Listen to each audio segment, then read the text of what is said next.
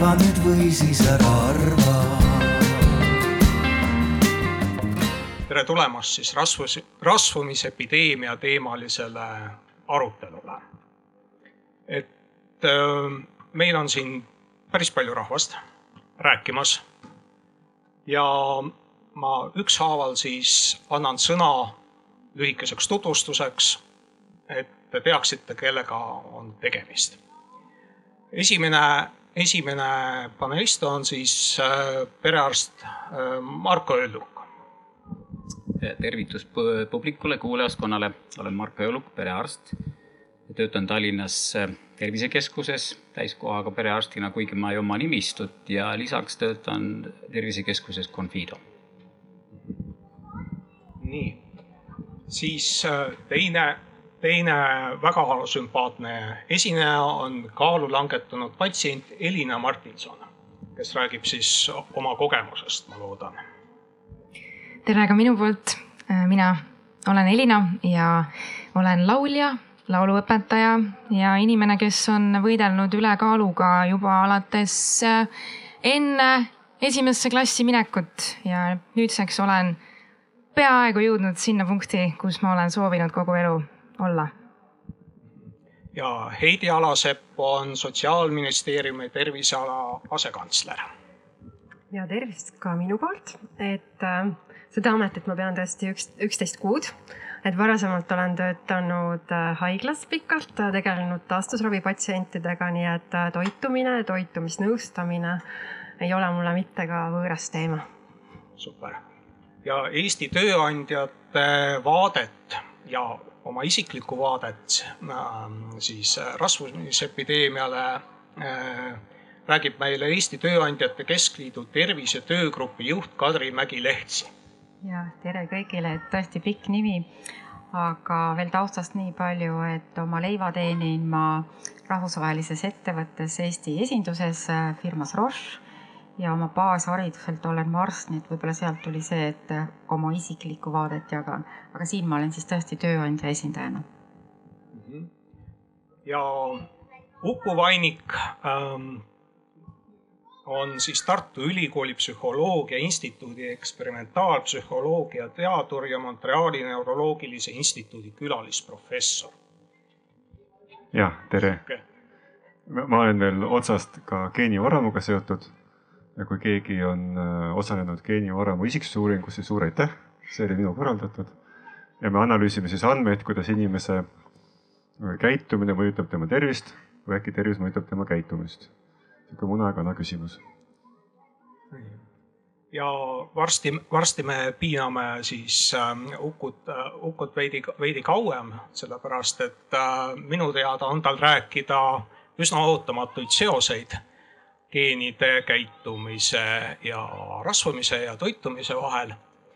aga, et äh, me teame, et see probleem, millest me täna räägime, rasvumisepideemia on tõesti tõsine. et Äh, esimesse klassi lähevad lapsed, neist üks kümnendik ei ole mitte lihtsalt ülekaalus, vaid on rasvunud. ja ülekaalulisi on veel oluliselt rohkem. Ja kuna täiskasvanute ülekaalulisuse protsent on ka juba pooleni, pooleni kõigist, kõigist inimestest jõudnud, siis äh, selle epideemia mõõtmeid oleme me minu arust äh, alahinnanud. ta on nagu jäänud Covidi varju ja võib-olla mingisuguste muude, muude asjade varju. Ega, ega ei taha ju tunnistada, et see nii suur probleem on. aga, see probleemipundar on tõsiselt, tõsiselt suur ja meie arutelu eesmärk võiks olla või peaks olema, et rasvumust käsitletaks äh, nii nagu kõiki teisi haigusi. ja et seda käsitletaks niimoodi ka rahastajate poolt, see, seda käsitletakse ka arstkonna poolt nii ja samas, et seda, äh, seda haigust ja haiguse kandjat ei häbimärgistata. sellepärast, et äh, äsja, noh, kümnendal augustil siis äh, ilmus British Medical Journalis väga huvitav uuring mis räägib äh, häbimärgistamise mõjust rasvumise levikule. ja seal öeldakse, et häbimärgistamine on äh, kontraproduktiivne tegevus, et see suurendab rasvumise levikut. väga, väga keeruline on öelda, kas see, kas see seisukoht jääb püsima ka kümne aasta pärast või mitte. aga minu arust selles on oma loogika olemas sest kui, kui te mäletate AIDSi vastu võitlemise kampaaniaid, siis alguses oli häbimärgistamist väga palju. see ei toonud mitte midagi head kaasa. Ja, ja epideemia levis edasi. ja loomulikult äh, on see rasvumisepideemia ressursside küsimus. et see läheb lihtsalt tohutult palju maksma, mitte ainult rahalisest vaid ka rahalisest küljest, vaid ka õnnetunde mõttes ja tervelt elatud aastate mõttes. et me peame sellega tegelema ja ilmselt, ilmselt ei saa me sellega tegeleda nii, nagu me siiamaani oleme kogu aeg sellega tegelenud. et meil, meil oleks vaja plaani ja sellist plaani, mis arvestaks siis äh, kaasaegseid kaasaegseid teadmisi ja mis oleks ähm, tehtud nii-öelda avatud meelega, sellepärast et kunagi ei tea, millest tegelikult võib ka kasu olla. et Uku, ma hakkan sind piinama. et, ähm, et me rääkisime enne natukene ähm, teemadest geenide rasvumine ja käitumine ja sa rääkisid väga huvitavatest seostest ja ootamatutest seostest. et ma tahan alustada äh,, alustada sellest, et me räägime ennetusest, aga ennet-, selleks, et ennetada, on vaja teada, mis toimub. mis siis toimub? Rasvumine on, ma arvan, inimese loomulik reaktsioon äh, toidukeskkonnale, mis meid kõiki ümbritseb et meil läheb, meil läheb elu aina paremini. meil on äh, tublid äh, toidutehnoloogid ja kõik, kes mõtlevad paremaid viisi toite välja, mis meile kõik väga meeldiks. Ja see on meil väga loomulik seda tahta, et juba keskajal fantaseeriti pudrumägedest ja piimajõgedest. ja nüüd äh, viimase saja aasta jooksul oleme välja mõelnud, kuidas teha piimajõgesid ja pudrumägesid. see on suurepärane, keegi, väga vähesed inimesed on näljas. et see on nagu hea aga siis on pendel läinud teise serva, et meil on toitu väga palju ja meil on sellised instinktid, instinktid siis toiduga liialdada, et mine tea, millal jälle saab. ja osadel meist on need instinktid tugevamad kui teistel. Et äh, siin tasub kindlasti silmas pidada, et inimesed erinevad. et mõnes mõttes on veider, et kõik inimesed pole ülekaalus, kui meil selline keskkond olemas on. ja üks asi, mis seda seletab, on geneetika. aga geneetika alati ei ole selline saatus, et meil on alati võimalik oma äh, geneetilist potentsiaali hallata. et selle kohta käib selline ütlemine, et geneetika laeb püssi, et mõned meist lihtsalt on siuksed rohkem valmis äh, toitu sööma ja, ja paksenema kui teised, aga siis keskkond on see, mis kas ütleb, kas meil on see võimalus või mitte. ja kokkuvõttes on küsimus toidukeskkonnas, kas me oleme valmis oma toidukeskkonda muutma. mis on keeruline mõtlesin tükk aega, mis oleks hea analoog tänapäevane ja ma arvan, et väga hea analoog on need elektritõuksid. mis on samasugune, et me kõik teame tõuksid, me saime nendega sõita niimoodi kondimootoril, noh, nii palju kui jaksasime, aga väga-väga kiiresti ja ohtlikult ei jaksanud ja nüüd pandi, tehti innovatsioon, pandi mootor peale. vaisati see kes-, keskkonda, kõigile meeldib, aga siis tuleb palju õnnetusi ja me peame nende õnnetustega kuidagi hakkama saama. aga keskkond samal ajal pakub neid tõukse peale et äh, ja osa inimesed on ettevaatlikud ja teed seda, aga ikka osa inimesi teeb seda, et ma arvan, et see on umbes sarnane probleem, et äh, kuidagi peame hakkama saama selle elektritõuksiga siin keskkonnas.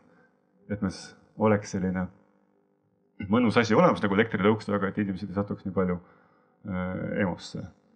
rasvumisega samamoodi, et me võiks ju toidud olemas olla, aga miks see häda on see, et inimesed jäävad haigeks sellest liigkilodest ja ja on tehtud analüüse, et inimesed kulutavad haigekassa raha rohkem kõvasti, kui nad on ülekaalus ja ise tunnevad ennast halvasti. et äh, jah.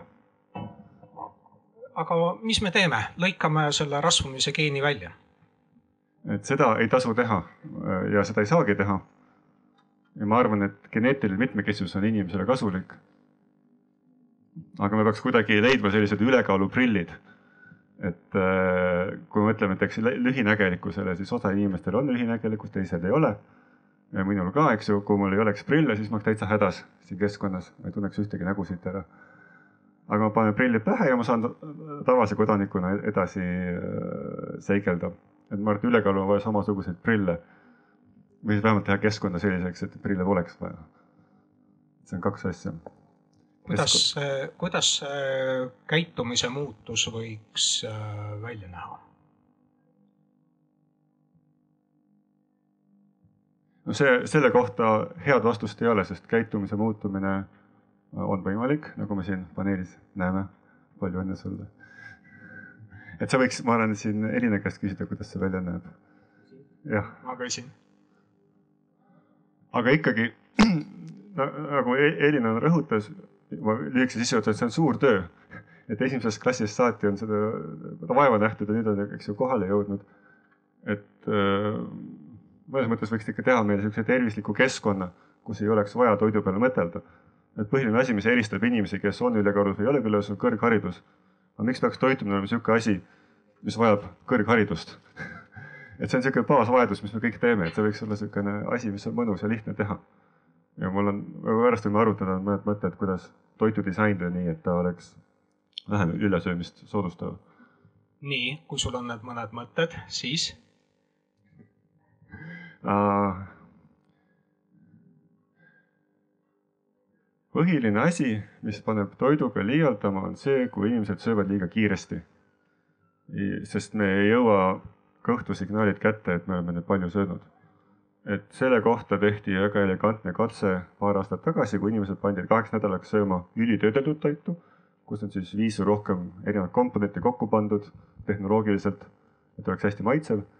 ja siis kaks nädalat söödi, söödi vähetöödeldud toitu, mis on põhimõtteliselt, et korjab puu otsast või või lööd maha ja paned pannile ja sööd ära. ja on näha, et inimesed, kes olid ülitöödeldud toidu tingimuses, nad sõid viissada kalorit rohkem ja nende kahe nädalaga võtsid kilo juurde. ja kes olid vähetöödeldud toidu tingimuses, nemad äh, sõid viissada kalorit vähem ja võtsid kilo alla kahe nädalaga. et sihuke automaatne käitumine, need toidud meeldisid neile sama palju. et ja, ja siis hakati vaatama, et mis neid ülitöödeldud toitu siis reaalselt eristab, on see, et ülitöödeldud toitud on pehmed ja neil lihtne ja kiire süüa. ja mina arvan, ma kutsun üles, et kõik, kes toitu teevad, et tehke selline toit, mida peab rohkem närima. ja uuring, ja kui seda kavalalt teha, siis on näha, et inimestel ei ole selles, neile meeldib see toit sama palju. näiteks mm, küpsised või ütleme juustupulgad, et kas see on sihuke kuubik või on sihuke pikk pulk, et see pulk on närib nagu kauem, aga kuubik läheb kiiresti. Ja väike vahe, me ikkagi näksime, tundub sama mõnus, aga kui me kuubiku ära sööme, siis me saame rohkem toitu kui sihukest pulka. et äh, jah, rohkem närida, mis on juba vana tarkus, aga see paistab minu kõige, praeguse arusaama järgi kõige sihukene lihtsam ja kiirem asi, mis saaks ära teha ütle sellised äh, regulatiivsed muutused, ma toon näite.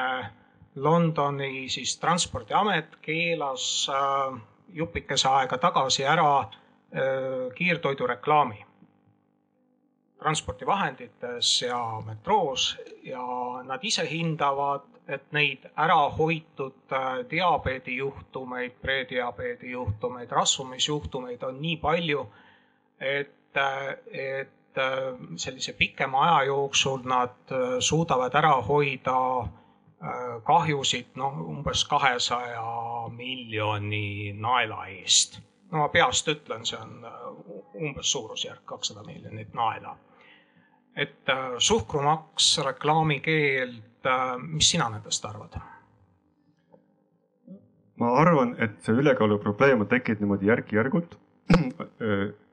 ükski firma otseselt ei taha, et inimesed, tema kliendid varem ära sureks ja saaks ülekaalu, lihtsalt tahavad rohkem müüa. Sama hästi võiks me toidu ära visata nende, nende perspektiivist. et lihtsalt on üritatud tehtud väikseid asju, et toit oleks veel maitsvamad ja ma arvan, et regulatsioon tuleb teha samamoodi, et on palju väikseid asju, mis tuleb lükata ühes suunas. et eh, inimestel oleks eh, lihtsam tervelt elada. et ma arvan, kõiki asju tuleb proovida. et kõige olulisem on proovida samamoodi nagu toidutootjad on proovinud erinevaid asju, mis inimestele meeldib, siis, siis meie äh, regulatsioon peaks proovima erinevaid asju, mis võiks töötada ja üks asi ei ole võluvits, et suh-, toidumaks on jah põnev äh,. see võiks näha natuke teistmoodi kui suhkrumaks, aga ma arvan, et see oleks üks asi, mida teha äh,. soola vähendamine on üks asi, mida Inglismaal on väga hästi tehtud ja Eestis ka toidutootjad vabatahtlikult leppisid kokku, et hakkavad soola vaikselt vähendama ja see on näidatud ära, et see tõesti töötab. Inglismaal on südamehaiguste hulk vähenenud kümme aastat, kümne aasta, kui seda tehti. Äh, reklaami keelamine, väike asi, aga jälle aitab. et minu arvates eelmine paneel tõi välja, et alkoholi piiramine, et need poliitika on enam-vähem õnnestunud ja ma arvan, et see õnnestuski selle väga hästi, et kui tehti alkoholi roheline raamat suure kisaga võeti vastu kui palju see alkohol maksab ja see maks keerati natukene tagasi, aga väga palju teisi asju ei keeratud tagasi, mille üle mul on hea meel, et seal kõik väiksed asjad, et alkohol on poes eraldi ja nii edasi, et. Need on palju väikseid asju, mida me kõiki prooviks. Ja hea oleks proovida ühes linnas prooviti, siis ei ole ja siis vaatad, kuidas see mõjutab. et me ei tea ju ette. kas sa annaks korraks äh, mikrofoni Kadrile, ma küsin äh,, kuidas tööandjad võiks suhtuda näiteks äh, reklaamikeeldu no kindlasti ettevõtluse seisukohalt oleks see päris nagu kurb ja karm. aga noh, kui me vaatame alkoholitööstust, siis alkoholitööstus on ju sellega hakkama saanud, aga kindlasti ettevõtjad ei arva, et sellest tuleks nagu alustada. Okei okay. mm -hmm., jah.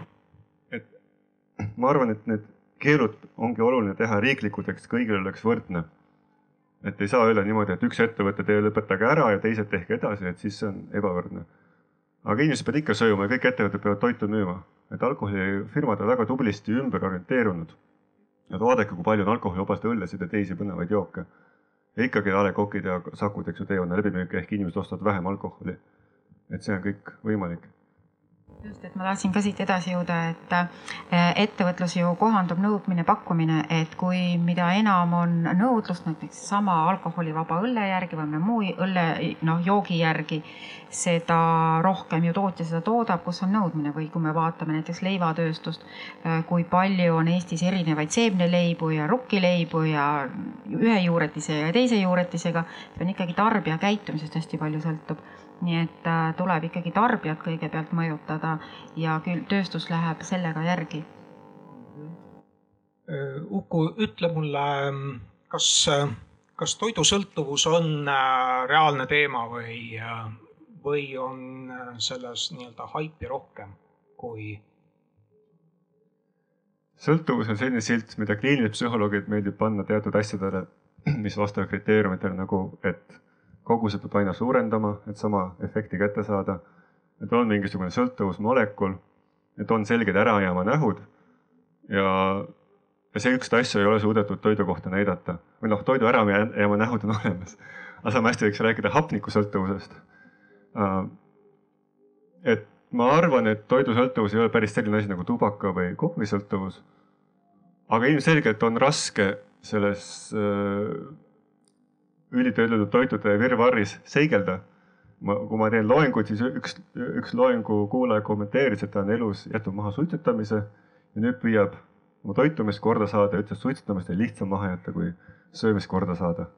mis on tegelikult meeletu, sellepärast et suitsetamine on väga selgelt sõltuvusmolekuliga. jälle ma arvan, see näitab keskkonna rolli. et meil on väga selgelt suur edulugu suitsetamise vähendamisega, suitsetamine ebamugav ja ehkki see sõltuvus meid hoiab tagasi, me saa-, inimesed saavad sellega hakkama. ma arvan, see näitab jälle ka, et keskkond tuleb äh, ka toiduga liialdamisele järele tuua kuidagi. aga see on raske. ütle, kui me täna siin järsku ütleks, et nii, nüüd hakkame plaani kokku panema, tähendab, et kas psühholoogidel äh, ütleme sinu esindatuse näol tähendab, oleks selles plaanis äh, oma koht ja missugune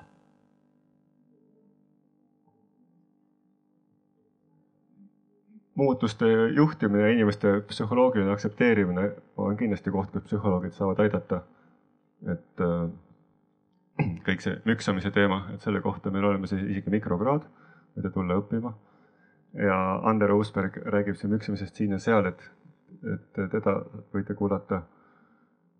ja noh, seal tulebki teha, vaadata just, et inimesed aktsepteeriks neid muutusi, et miks me neid asju teeme.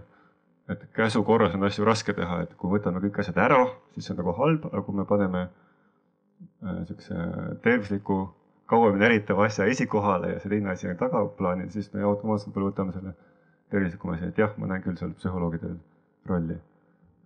ühesõnaga nii-öelda väärtuspakkumine peab äh, olema asend-, noh asendusena siis jah, ma arvan, see teeb olukorra lihtsamaks, et mina mm. -hmm. mina hiljuti sain kaksikud ja see juhtub, kui tegeled käitumisgeneetikaga ehk kaksikute uurimisega. ja siis ma une kvaliteedi nimel ma ot- otsustasin alkoholi joomise ära lõpetada. ja see on just praegu väga lihtne teha, sest on niivõrd suur vaba- alkoholivabade jookide valik, et see on hea niisugune asendusaine minu jaoks. super, aga mm, ma arvan, et Elina võtab nüüd järje üle. sellepärast me, me sõitsime autos siia, me üht-teist, üht-teist jõudsime rääkida, aga mind huvitab, mis, mis oli see motivaator, miks sa järsku ütlesid, et no nii, nüüd ma võtan selle, nüüd ma võtan selle muutuse ette. ja ähm, ülekaal, nagu ma alguses pisut mainisin, on minuga käinud kaasas sisuliselt kogu elu jooksul. ja kui ma olin kahekümne kuue aastane eelmisel suvel, siis äh, kaalu pealt vaatas vastu number sada kolmkümmend üks ja ma olin loomulikult teadlik sellest, et mul on probleem, ma olin äh, aastakümneid sellest probleemist teadlik. nüüd siin jälle, minul on endal peas väga palju küsimusi, et, et kas asi on motivatsiooni taga või asi on äh, harjumuste taga. endiselt otsin veel vastuseid. aga äh, ma teadsin, et ma tahan saada emaks ühel päeval. ma tahan elada pikka ja kvaliteetset elu ja võib-olla just eelmisel suvel oligi siis äh, see kaalunumber ja, ja need kaks mõtet need, mis panid mind guugeldama kaalukirurgia variante. Ja ilma pikemalt mõtlemata juba panin samal päeval sealsamas guugeldades kodus kirja konsultatsiooni aja, et kuna kaalu oli vaja langetada umbes seitsekümmend kilo, olin seda ju loomulikult ka eelnevatel aastatel püüdnud ise langetada, muutes toitumisharjumusi, muutes liikumisharjumusi lugedes kaloreid, otsides, guugeldades igasuguseid healthy, yummy, tasty, mingeid superägedaid toiduvariante, eks ju. aga, aga vot mingil põhjusel ma ei suutnud neid harjumusi kinnistada pikemalt, pikema aja mõttes.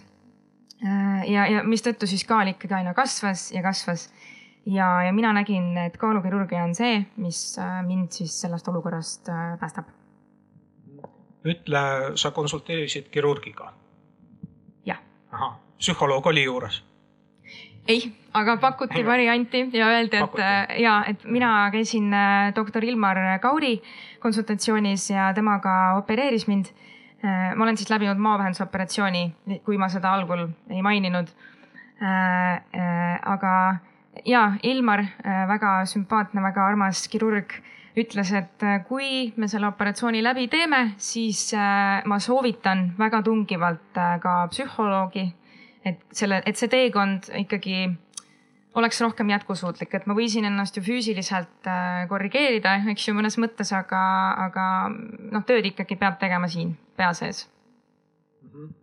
et ei kaalunud ballooni asetamist näiteks, kas sellest oli juttu? Ajutise, ajutise siis lahendusena äh,? ei, need mm., nii nagu mina mõistsin, siis need on, need balloonid, maopaelad on vist pisut äh, möödunud trendid. et äh, nüüd on siis äh, gastric bypass või äh, ehk siis standard, standardne bypass, maost mööda juhtiv operatsioon või äh, mini bypass või sleeve. Need on kõik kolm erinevat äh, siis äh, lõikust ma detailidesse ei julge praegu laskuda ma vaatan, et Uku tahab, Uku tahab sekkuda kohe. ballooni koha pealt, et ma käisin söömiskäitumise konverentsil, kus oli esinemine inimese poolt, kes leiutas ballooni aastal kaheksakümmend viis. ja keegi ei tahtnud kuulda võtta, ta opereeris selle endale sisse ja siis viis selle edasi. aga siis hiljem on tulnud välja, et inimesed ikka kipuvad ära surema selle ballooni opereerimisel, nüüd ta aktiivselt võitleb selle vastu. et neid balloone paigaldatakse sama looja Nonii, sinna, sinna me pidimegi jõudma lihtsalt huvitav oli, tähendab, et mida, mida, mida räägitakse ja mida tehakse. et ähm.... küsiks kohe selle maavähendusoperatsiooni kogemuse kohta, et kas selle kohta tuli ka mingi dieedi, dieedinõustamine või mis nõustamine juurde tuli lisaks sellele lõikusele? Ja meil Eestis on kaks varianti, et äh, kas äh, sa lähed lõikusele siis riiklikusse haiglasse või erahaiglasse ja mina kopsisin lihtsalt kõik kopikad kokku ja otsustasin, et mul on kohe vaja nüüd minna sinna operatsioonile. Sellepärast, et kui äh, äh, minna siis läbi haigekassa äh, lõikusele, siis on ooteaeg võib olla nüüd Covidiga on see aga tõusnud, aga ligikaudu kaks aastat. Ja ma, miski lihtsalt minu sees ütles, et nii kaua mina enam oodata ei jaksa Äh, ja äh, operatsioonile minnes läbi äh, erahaigla saad sa tegelikult kaheks järgnevaks aastaks pärast lõikust kaasa päris toreda tugigrupi. mul on oma toitumisnõustaja, mul on oma noh, eratreener päris ei ole, aga inimene, kes konsulteerib mind sellel alal, kui mul on selleks soov ja, ja sellega, selle kogu operatsioonipaketiga tuleb kaasa ka äh, kõik vereanalüüsid, et selles mõttes sa oled ikkagi pidevalt äh, jälgimise all, et iga äh, siis kuus kuud pärast operatsiooni olid esimesed vereanalüüsid, nüüd kahekümne teisel septembril saab mul aasta täis. bariaatrikutele meeldib öelda, et minu teine sünnipäev, et ma siis võin ka niimoodi ehk öelda. Ja aasta täitumisel tulevad siis teised vereanalüüsid, et jälgida, et kas kõik ähm, toit või kõik need vitamiinid ja, ja tähtsad eluks vajalikud asjad on meil äh, pärast äh, selle lõikuse läbimist äh, korras. ja äh, vot sellist paketti nüüd läbi Haigekassa lõikusele minnes kaasa ei tule, et sa sisuliselt oled ikkagi üksi, sind äh, ei nõustata ei enne operatsiooni ega ka pärast, nii palju kui mina olen siis äh, oma saatusekaaslastega nendel teemadel vestelnud millest on ju väga kahju tegelikult ütle noh, niimoodi, kui, kui sa saad või kui sa tahad. et, äh, et positiivset külge me näeme. kas olid ka mingisugused negatiivsed noh, kõrvaltoimed siis ütleme? Mina ei ole enda puhul täheldanud veel mitte, veel jälle elu on veel pikk ees, eks ju, never know, aga, aga mitte ühtegi negatiivset äh, toimet või, või tagajärge pole mina kogenud. operatsioon läks äh, laitmatult, taastumine oli laitmatu ähm,. ja muidugi mind viidi kurssi igasuguste erinevate just nagu kõrvalnähtudega, et mis võivad tekkida. üks nendest levinuim on äh, dumping sündroom ehk äh, et kui sina Äh, pärast operatsiooni tarbid liiga kõrge suhkrusisaldusega või liiga kõrge mõne muu süsivesikusisaldusega toitu. Ka halvad rasvad käivad sinna alla, et avokaado ja lõhe peaksid olema okei okay,, aga kõik sellised krõpsud, mis on küpsised, tordid, et siis dumping sündroom vallandab ähm, kehva enesetunde ehk südame kloppimine, iiveldus ja seda just selle põhjusega Eh, kuna neid lihtsuhkruid äh, seeditakse maos ja kuna minul läheb kogu toit maost mööda ja, ja hakkab seedima siis peensoolas. Äh, ja et just nimelt see äh, tekitabki siis seda efekti, et võib hakata kehv. ma olen seda paar korda kogenud. Ei ole väga hull olnud, väike südame kloppimine, aga, aga on jälle saatusekaaslasi, kellel on juba ühe kompveki söömise peale täitsa pikali maas väga individuaalne. Äh, Marko, kas äh, teie tahate äh, kommenteerida, missugune teie kogemus on? mind ei ole lõigatud. Ja, ja selles mõttes seda kogemust ma raske öelda, see on ikkagi üsna radikaalne lähenemine, eks seal on ka teisi võimalusi, aga pro-, noh probleem on kindlasti ja patsient teeb loomulikult ikkagi oma otsuse lõpuks ise küsimus on see, et, et kuidas seda otsust talle tutvustatakse või võimalusi õigemini, mitte otsust tutvustatakse ja selles mõttes on see küll nii. aga, aga ülekaal on jah, selles mõttes ütleme kliinilise igapäeva arstitööd tegevana on see, et uksest tuleb sisse seda diagnoosi ikkagi palju. Ja see diagnoos ilmselgelt on, see on, see on olemas täiesti konkreetne diagnoos, haigus, et liigsetest kallutist tingitud rasvumine, on ka muid põhjuseid, aga see on nagu ikkagi põhiline. aga samas tuleb kohe öelda, et see, et ta tuleb uksest sisse arstikabinetti, ei ole midagi loomulikult see probleem, millega ta tuleb. Vaid tuleb mingite muude teemadega, mis on otseselt seotud sellega, et, et, et, et kus võib või kui palju annab juurde see, et, et kas kehakaal on liialt suur või mitte et selles mõttes nagu me näeme seda, aga see on seesamane mõtlemapanev küsimus, et, et see patsient ei tule sinu juurde sellega, et tal on liigne kehakaal ja et sellest on tekkinud siis mingid ju veel kaasuvad komplikatsioonid, on need siis kõrge vererõhk, on see liigesprobleemid. sageli võib ka olla mingis mõttes mentaalsed küsimused või nii-öelda stigmatiseerituse teema, aga seda üldjuhul peidetakse kõige rohkem ja sügavamal vaiba alla või see kuidagi tundub selline asi, mida noh, millest nagu isegi on teinekord keeruline juttu teha ja samamoodi ka sellesama kaaluga, et kui ta kaebab patsient sulle oma probleeme, oma noh, nii-öelda puhtfüüsilisi siis äh, kaebusi, siis et jõuda sinnamaani, aga näiteks noh, vaadake, no niimoodi ei saa öelda, aga kui piltlikult öelda, et vaadake peeglisse või et seal võiks olla mingi probleem, siis võib sellega teinekord ikkagi väga noh, nii-öelda drastiline reaktsioon sellega kaasneda, nii et võib-olla see on üks teema, kus kohas on siis, ma ei tea, kas siis puudujääki või jääb see kuidagimoodi nagu, et pigem hoiad sellest teemast eemale näiteks, eks ole aga on ka loomulikult sellist suhtumist, et see ei olegi mingi haigus, et see on inimese enda asi, ise teema, ise peab hakkama saama ja see ongi nii-öelda nagu elu, ellusuhtumise käsitlus või selline. kas see õige on, mina arvan, et see vast nii ei ole. et, et noh, sest paljud ka minu enda kolleegid peavad ülekaalusust isegi mitte haiguseks, vaid ikkagi pigem nii-öelda selliseks tahtejõu või siis nõrkuseks vaatamata lõputult avaldatavatele artiklitele, kus äh, dieedipidamine ja liikumine paraku ei too alati seda, seda pikaajalist tulemust. absoluutselt, absoluutselt. Ja jah, dieedipidamine, liikumine, mõistlik söömine, ega see pole ka siis ainukene ju asi, mis äh, nüüd ainult ülekaaluga koos kaasa käib, see on ka igatipidi kasulik kõiges muus osas, eks ole, et see on ilmselge. Et, et nii ta jah, paraku on, mina ei ole küll selles mõttes kindlasti kuidagi süvitsi uurinud just seda ülekaalust kui sellist ja räägingi seal põhimõtteliselt antud juhul ainult lihtsalt igapäevatöö nagu foonil, aga noh, ikkagi väga-väga paljude nii-öelda siis terviseküsimustega haakub. no ma ei, ma ei tea, kas nüüd üheksakümmend protsenti võib öelda, ma räägin täiskasvanud patsientidest praegu.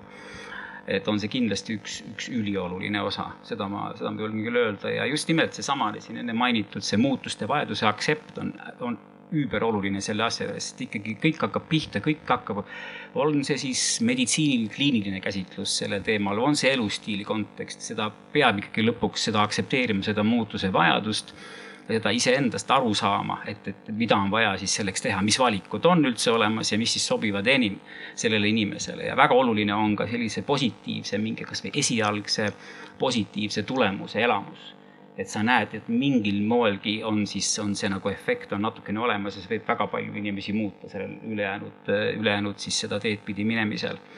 et see on hästi oluline ja noh, neid võimalusi on ka tänapäeval juba olemas. sa tahad kommenteerida? tahad kommenteerida?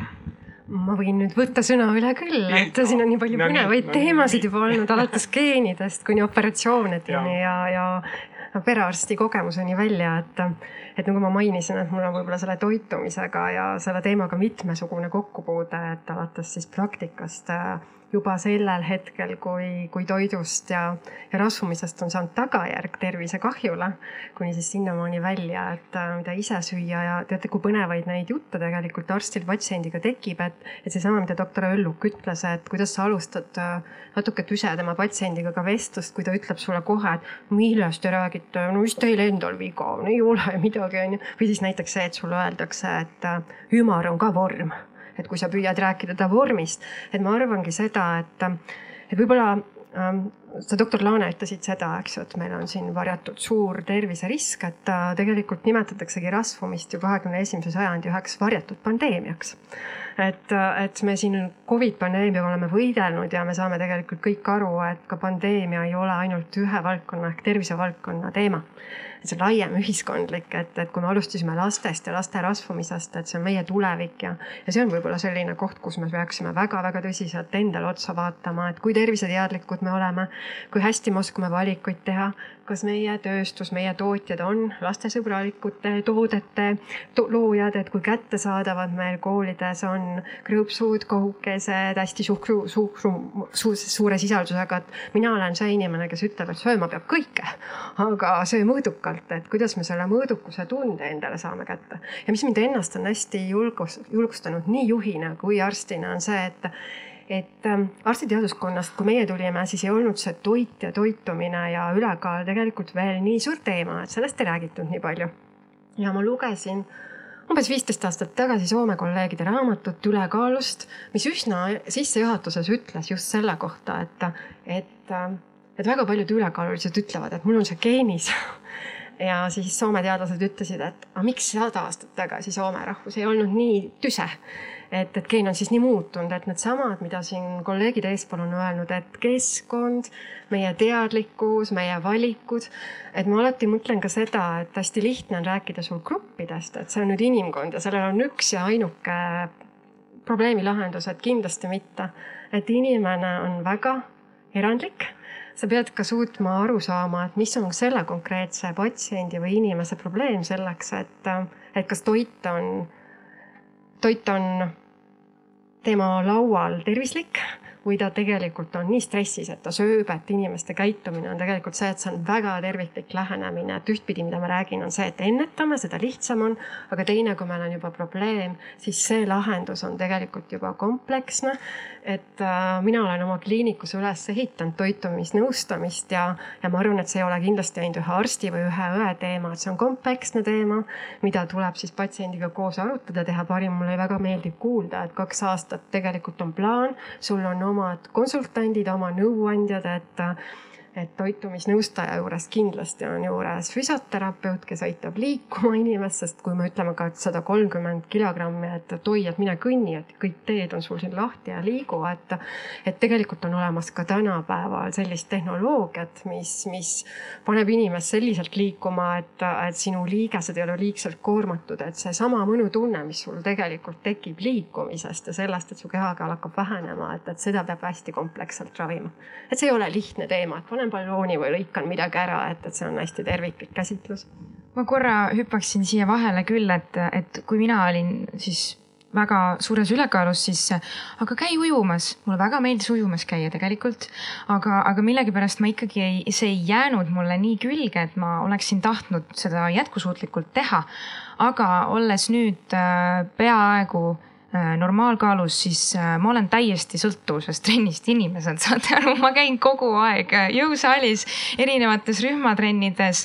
et, et see, et vot suuremana ei, ei suutnud mina kuidagimoodi ikkagi jääda sinna pidama, aga nüüd on see nii lihtne.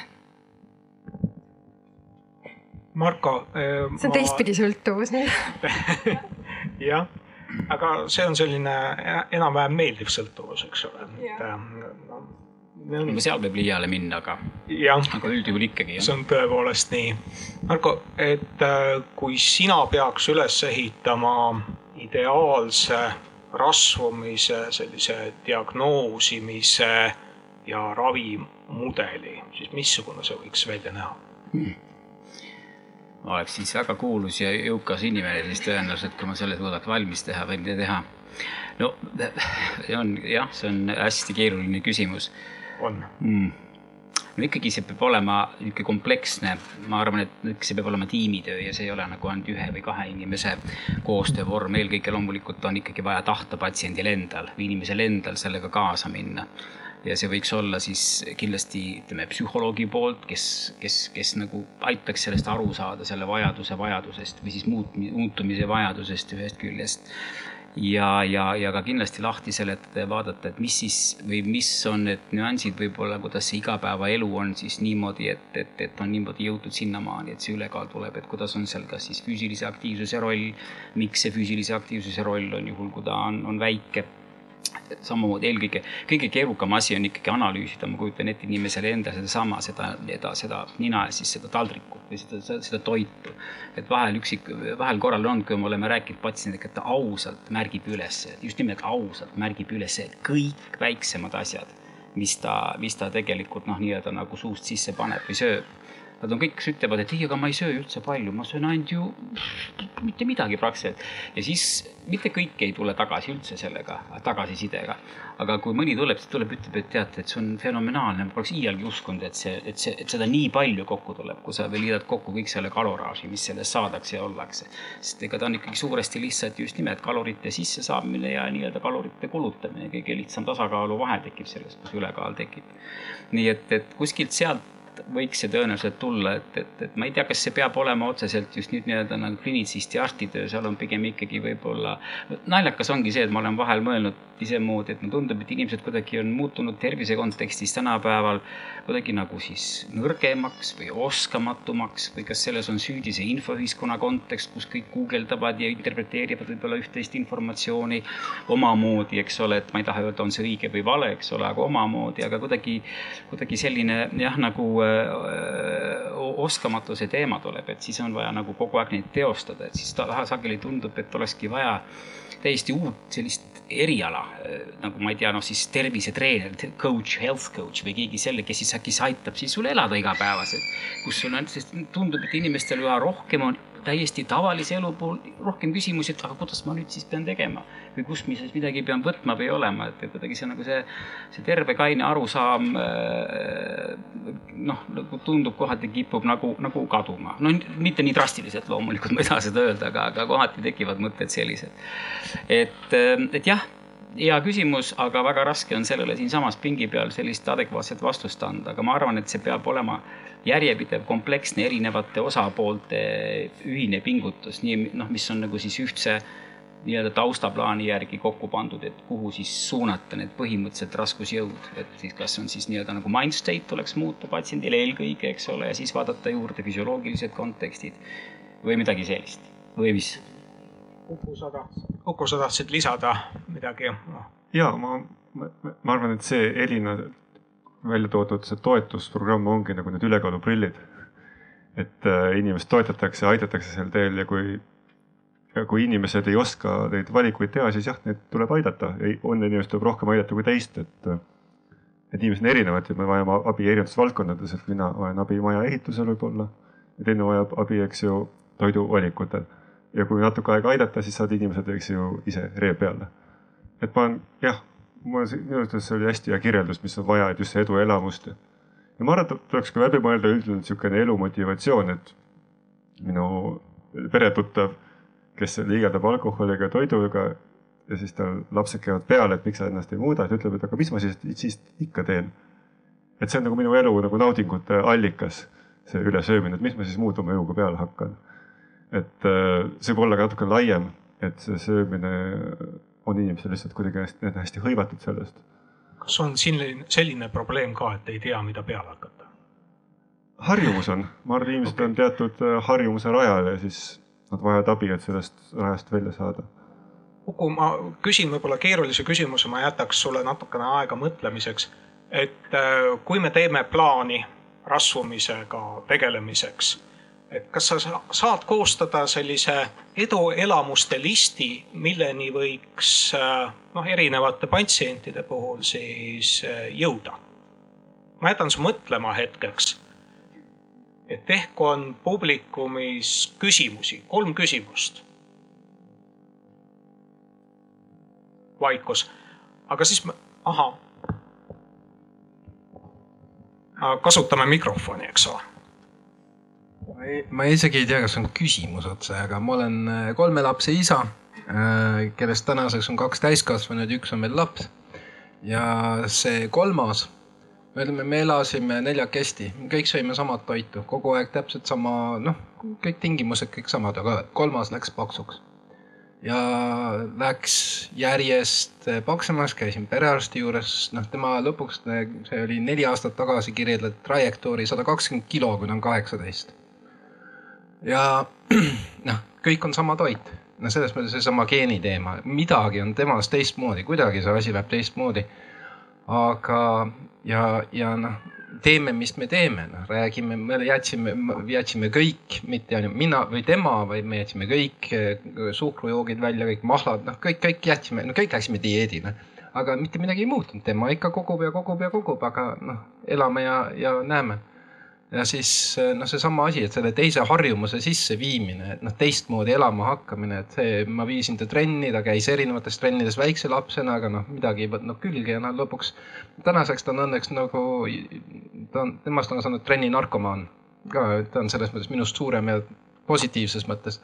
aga, aga see, see võttis, ma tegelesin sellega kuus aastat. Ma nägin, et ta läheb ja läheb ja läheb ja midagi ei juhtu ja midagi ei muutu ja elustiil ja kõik asjad on normaalsed, et tegelikult üks noh, neljaliikmelisest perest üks inimene seedib toitu teistmoodi, midagi on teistmoodi ja kusagil see geneetika ikka mängib päris suurt rolli. ja, ja selle motiveerimine, noh, ma olen erinevate projektide seoses oma tööga kokku puutunud ka, et noh, kolmkümmend protsenti lasteaialastest on täna ülekaalulised Eestis ja me üritame sellega tegeleda et selles mõttes, kuidas seda nagu, kusagil on mingi konks on veel, et see, see midagi on muutunud, kusagil mingid asjad mängivad rolli, mida me ei oska hetkel kvantifitseerida. on see minu mulje nagu puhtisiklikult ja professionaalses vaates, midagi on nagu teisiti meie elus. ja, ja kui, kui mul see probleem lapsega oli, me elasime Stockholmis, mis tähendas, me tegelikult ühistransport ja jalakäimine oli ainukene noh, transpordiviis, autosid üldse ei kasutanud, et noh, ei olnud ka see liikumise puudumine, et noh, midagi kusagil midagi on juhtunud. ja mulle tundub, et see, see on ka, et sellega on vaja nagu kuidagi teisest otsast natuke ka läheneda, kuidas on lapsi juba noh, see, see elustiil on kusagil midagi lappab meil. et sellega ma ei, ma ei, ma ei, see pole nagu küsimusena esitatav, aga ta, ta on nagu selles mõttes filosoofiline, midagi me peame nagu teisiti tegema tänaseks iseendaga, et teistmoodi lahendust saada. seepärast sedasama probleemi lahendades samamoodi nagu on kogu aeg lahendatud, me jõuame täpselt samasse kohta, mitte kusagile aga ilmselt on see kõigile üsna tavaline lugu. et kui, kui vaadata oma tuttavaid või äh, sugulasi või, või mis, mis tahes nagu suuremat, suuremat inimhulka, et siis äh, sarnaseid lugusid on tõenäoliselt väga palju.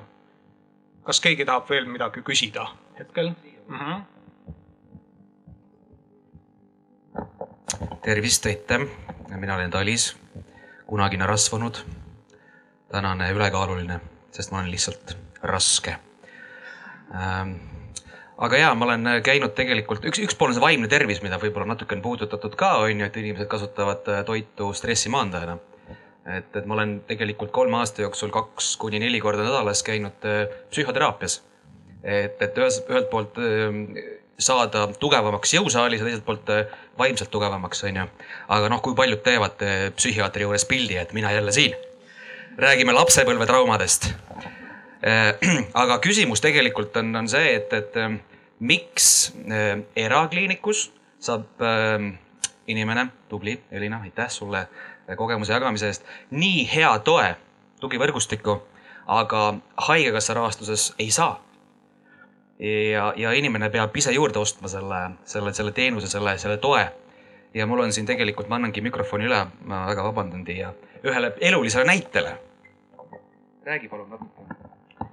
tere, mina olen Tiia, sünnist saati ülekaaluline olnud lapsest eas ja, ja kui ma nüüd kuulan siin, et geneetiliselt äh, mingid probleemid, et et äh, olen olnud äh,, sain siis oma normkaalu elus esimest korda viiekümne viie aastaselt alles.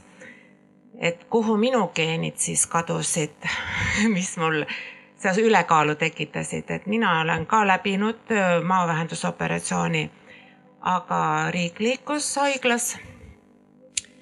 ja, ja noh, tähendab minul ei tulnud nagu seda nii-öelda lisatuge.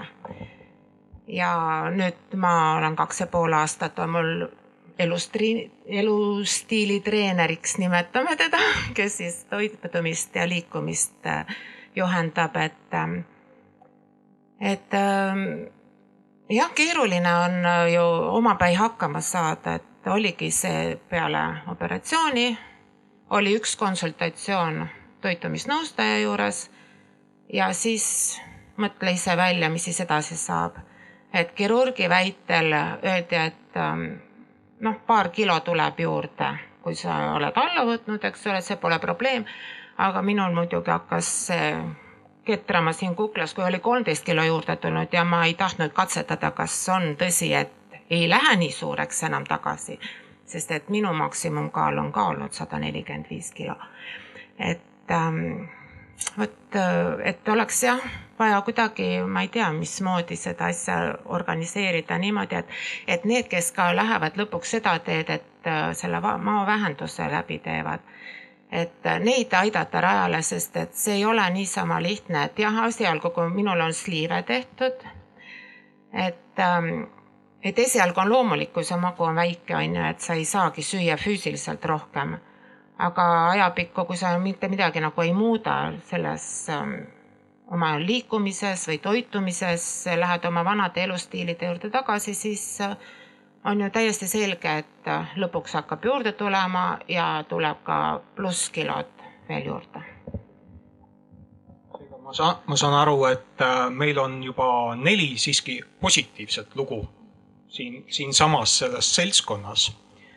et äh, geenid muidugi ei ole kuhugi kadunud, aga, aga te olete enam-vähem nendega hakkama saanud, ma saan aru. jah, ma mõtlengi, et see geenid ja hormoonid, et need on nagu rohkem vabandus, kui inimene võtab äh, liiga palju juurde. et see on ikkagi elustiili probleem. see, see, see on vabandus või noh, ta ei ole päris vabandus, et see on, ostal inimestel on see väga palju raskem kui teistel et me, kui meil on õnnistatud nende geenidega, et ei ole, et on raske üle süüa, siis me peaks vaatama oma seisukohta või laiendama oma seisukohta teistele, et teistel on see väga palju raskem. nagu teil, eks ole, vaja operatsiooni, et seda muudatust teha või teistel oli vaja coach'i, et hoida ennast selle joone peal, kuhu on soovitud, et äh, inimestel ongi see erinev. ma arvan, et seda tuleb lihtsalt aktsepteerida, et see on elu osa, et osadel on kergem, teistel on raskem.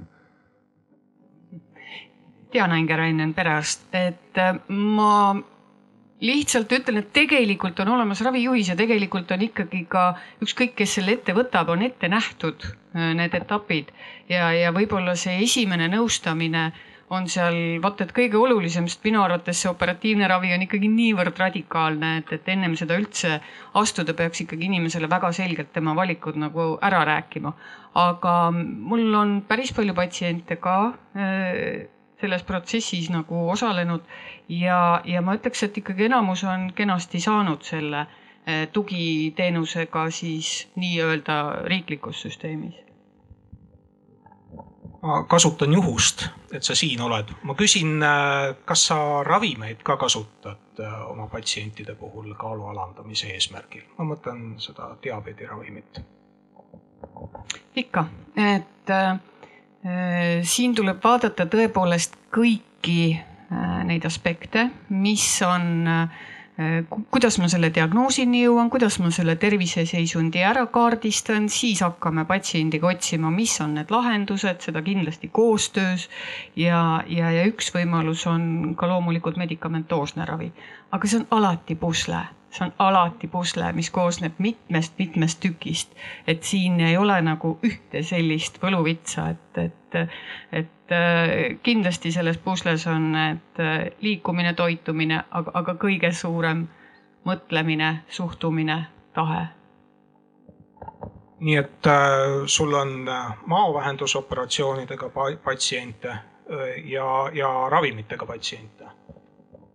on ja ma pean ütlema, et äh, need pikaaegsed tulemused, et äh, minu patsientidest ka no ikkagi üle kümne aasta on see praktika olnud, et pikaaegsed tulemused ei ole head, et mis puudutab bariaatriat, et äh, see on ikkagi väga radikaalne meetod ja seda peab väga kaaluma, eriti nagu noorte inimeste puhul.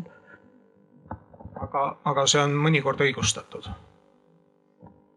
ma arvan, et siin peab äh, võtma, noh, nii nagu ikka arstid võtavad, et, et kui on oht elule, kui mitte mingi muu metoodika ei aita, kui on kehamassi-indeks väga-väga kõrge, et siis peab kaaluma, et, et kas seda kasutada või siis, et mitte.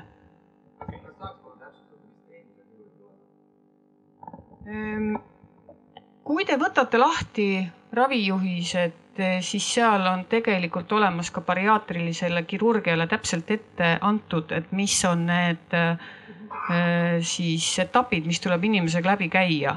ja, ja, ja selles on, see on väga pikk tee on nagu läbi käidud spetsialistidega, et seda juhist luua ja, ja, ja noh, minu, minu parima teadmise juures, kui ühte teenust osutatakse, siis peab kõiki neid asju jälgima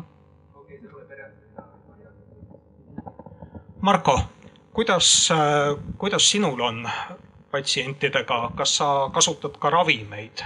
jah, kasutan ravimeid ka. kuidas tulemused on? nii ja naa Neid ravimeid on olnud, mõned on ju turul olnud varem ka, aga need ei ole, ütleme nad kuskil üheksakümnendate lõpus vist tuli esimene suure siukse plombiga turule, kuigi palju ta vist edu ei saavutanud ja neid on siin jõudumööda olnud ka, ka teisi. no põhiprobleemiks on ka kindlasti muidugi hinna küsimus, sest et need on sellised ravimid, mille puhul tuleb alati ikkagi noh, ütleme selle konkreetse näituse puhul siis ikka täisraha patsiendil välja käia, sest praegu meil sealt mingit abi selles suhtes ei ole. see tähendab, äh, kui on ainult rasvumine, ei ole näiteks diabeeti. ja kui me räägime ühest konkreetsest ja. Mhm. ravimist, diabeedi ravimist, siis jah, seal antud juhul on praegu kinnitatud, on ikkagi diabeedi diagnoosiga teatud soodustused, ka seal on omad kindlad kriteeriumid juures, ennem kui tuleb siis oma teatud järjekord, missuguseid ravimeetodeid või võtteid tuleb ennem kasutada kuni selleni jõutakse ja siis on seal teatud soodustused ette nähtud, aga E kuuskümmend kuus null diagnoosiga on see ikkagi täishinnaga see hind on?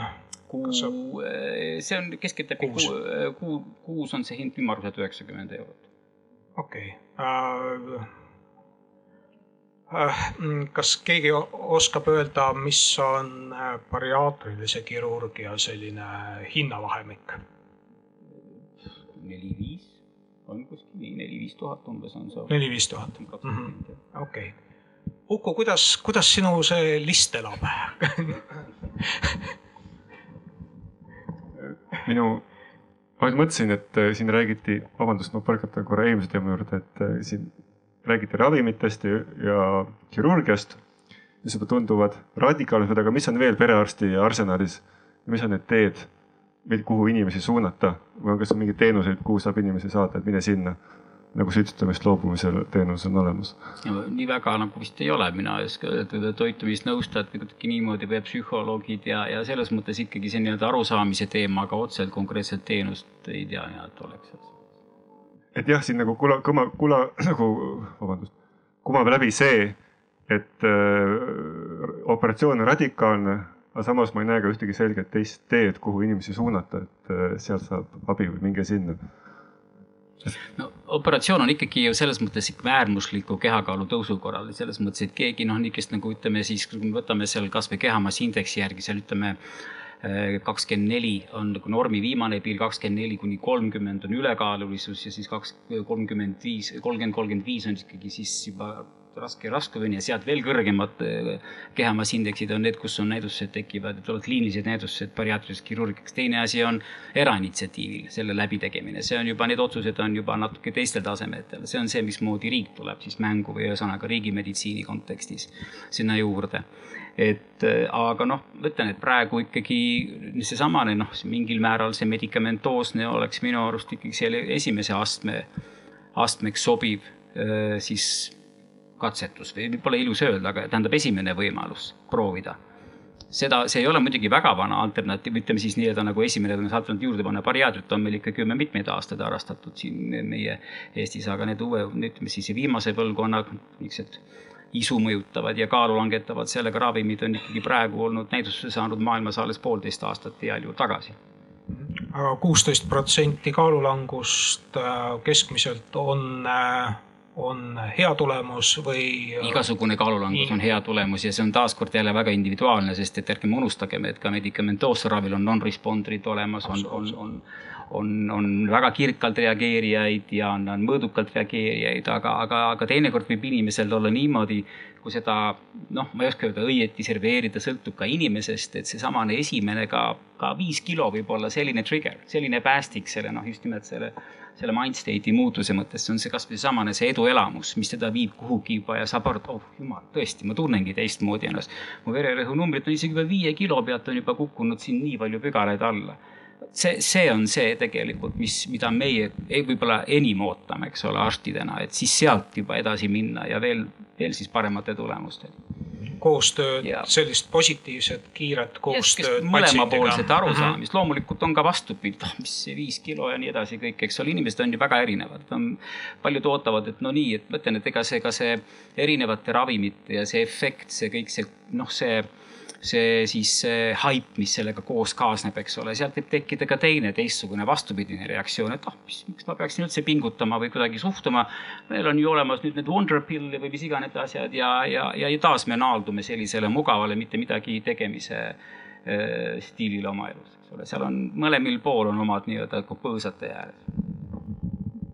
Kadri, sa ja, tahad öelda? juba kibelen jah tükk aega, et et äh, ma ei teagi nüüd üldse, mis rollist, et olen siin küll tööandja rollis, aga eks ma olen ise selle ülekaalulisusega võidelnud ja, ja, ja, ja see, mis siit juba mitu korda on läbi kõlanud, et tegelikult on vaja seda psühholoogilist tuge, ükskõik, kas me nimetame seda health coach'iks või, või mis muul moel. et tableti ja ka selle radikaalse raviga on ikkagi natuke ju see probleem ka, et inimene võtab siis vastutuse, lükkab nagu teiste õlgadele, et las tablett teeb mind terveks, ma ise ei pea midagi tegema, näe kui vilets tablett ravimitööstus ei ole mitte midagi tarka välja mõelnud. et täna minu arust ja eriti tööandjatena me näeme selle Covidi foonil, et see vaimse tervise tugi on puudulik ja eelmises paneelis oli, et noh, et meil ei ole ka neid inimesi, kes seda teeksid. et ma arvan, see probleem, me ei saa ainult vaadata seda nii-öelda seda lõpptagajärge, kui siis see rasvumine on nii suur, et mul on küsimus, kas rohi või, või, või lõikan inimese seestpoolt äh, väiksemaks Äh, aga mis me teeme seal vahepeal, kui inimesel veel on olemas seda tahtejõudu, soovi, aga ta ei saa üksi hakkama, et kus, mis me siis teeme ja samal ajal psühholoogilist tuge ka ei ole kuskilt võtta. sest neid inimeste väljakoolitamine on, võtab tükk aega. Äh, nii et, et ma ajaks selle teema ikkagi oluliselt äh, laiemaks kui, kui ainult bariaatria ja, ja medikamentoosne ravi Äh, ja, ja võib-olla üks asi, mida me tööandjatena oleme siin pikemat aega äh, nagu riigiga madistanud, et äh, need kulutused, mis tööandja teeb töötaja tervisele, et need võiksid olla erisoodustusmaksuvabad ma ei arva, et tööandjad hakkaksid kinni maksma bariaatrilist kirurgiat. ma igaks juhuks täpsustan, tähendab erisoodustusmaks ei tähenda eriti soodsat maksu. et, äh, et ma olen esitanud sellise seaduseelnõu ja, ja siis äh, petitsiooni teinud ja ma lihtsalt ei, ei oleks osanud oodata, kui paljud inimesed arvavad, et me tahame midagi head ära võtta. nii et äh, jah, et, et see, see tuleb selgeks teha, et see erisoodustusmaks on siis nii nagu Mm, töö, tööjõumaks siis, eks ole, et äh, tulumaks pluss äh, sotsiaalmaks igasugustele kulutustele, mis tehakse siis töötaja tervise, tervise heaks. no mitte igasugustele kulutustele, aga, aga väga paljudele kulutustele. jah, et mis ja. ei ole seotud otseselt tööga, on töö, töötaja saab mingit hüve Äh, näiteks on see siis ütleme tervishoiuteenus, siis selle pealt tööandja siis maksab erisoodustusmaksu. ja noh, ma ei ütle, et see on mingisugune kuldvõti või, või mingi selline asi, mis lahendab absoluutselt kõik probleemid. küll aga tööandjatena me näeme, et ravijärjekorrad on pikad ja nüüd ma ei räägi ainult sellest rasvumisest, seal on ju tegelikult probleeme, tekib ju muude haigustega. et mis meditsiini mõistes ei ole võib-olla raske haigus, ta ei ole eluohtlik haigus, annab plaanilisse järjekorda panna ja nii edasi, on see siis taastusravi või, või mis iganes lihtsam ka kirurgiline protseduur. aga tööandja jaoks on see inimene kas pooltöövõimetu või täitsa töövõimetu pikka aega. Ja, ja teisipidi meditsiini mõistes siis ju haigus süveneb, sest et ta nii kaua ootab oma äh, haigusele lahendust et, et siin võib-olla on üks koht, kus saaks nagu natukene noh, nagu leevendada seda probleemi, mitte kindlasti lahendada, aga, aga pisut leevendada, et kui võimaldada tööandjatele ilma karistuseta oma töötajate tervist hoida. jah, see on hästi pikalt ju üleval olnud, et minu küsimus on äh, nüüd, et ähm, kas, kui palju tööandjad tegelikult on valmis neid kulutusi kandma ja kas te teate, kui palju rasvumine maksab? seda me kindlasti ei tea ja seda, kui paljud tööandjad on nõus seda kandma, seda me ka ei tea. küll aga me näeme eriti siin mõnedes sektorites, kus tööjõukriis on ikka väga suur, noh ja, ja kus makstakse ka ikkagi kõrgemaid tasusid, näiteks IT-sektoris, pangandussektoris et ilma selleta enam varsti ei saa, et see on üks osa normaalsest äh, sellisest noh paketist, et äh, kvaliteetset tööjõudu saada, kõrgelt haritud, sest maailm on ju valla et see IT-mehel ei ole vahet, kas ta töötab, äh, eks ole, Itaalias, Inglismaal või meil. et, et me, me ei oska seda öelda, küll aga mida me täna näeme, et tänase seaduse järgi on ju võimalik kuni nelisaja euro ulatuses teha tööandjal kulutusi, aga seal on väga palju sellist nagu äh, tööandjale suurt koormust, et noh, näiteks tööandja peab teadma, kas see füsioterapeut nüüd on seal registris või ei ole registris. kas see psühholoogiline abi, kas see psühholoog on nüüd kliiniline psühholoog või ta ei ole kliiniline psühholoog.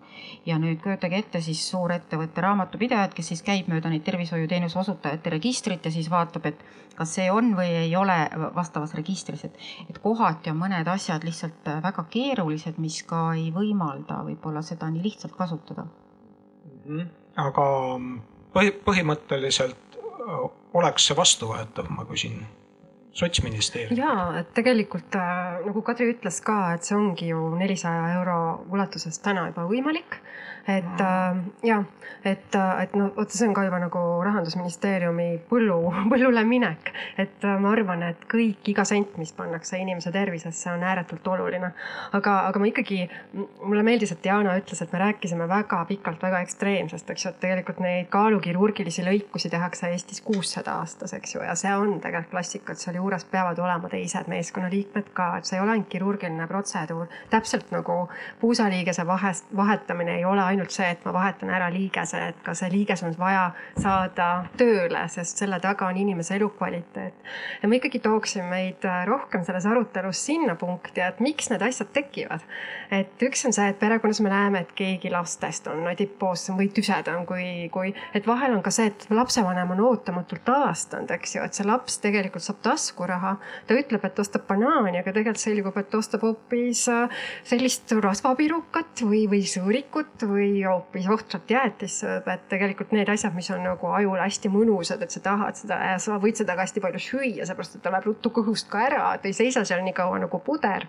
et, et, et pigem ongi see, et jälgi, märka, hooli, et ma arvan, et see on tohutult oluline tegelikult, et, et see pandeemia algab sellest ennetamisest, eks. et ekstreemsus on see kuussada ja tõepoolest ma olen ka seda meelt ise arstina, et, et see peab olema toetatud protsess, et see ei ole ainult see, et ma lõikan sult tüki välja vaid see on elustiili, sinu teadlikkuse kasvatamine. aga me peame ühiskonnana liikuma taas sinna suunda, et me teame, et, et kui sina rääkisid ka seda, et sa otsisid erinevaid internetiportaalidest infot, et kuidas olla tervislik, et, et mina näiteks sellest aastast täna ei julge öelda, et ärme enam kontrolli, et millise spetsialisti juurde sa lähed. et äh, meil on ka küll ja küll selliseid isehakanud inimesi, et pigem on ikkagi hea, kui ta sul on kuskil registris ja ta on saanud selle valdkonna hariduse. et need on hästi olulised inimese tervist mõjutavad protsessid, aga hästi oluline on selle teema juures meeles pidada, et meie enda terviseteadlikkus, kas lastevanematena, koolitajatena, õpetajatena, et kas see on tänaseks piisav.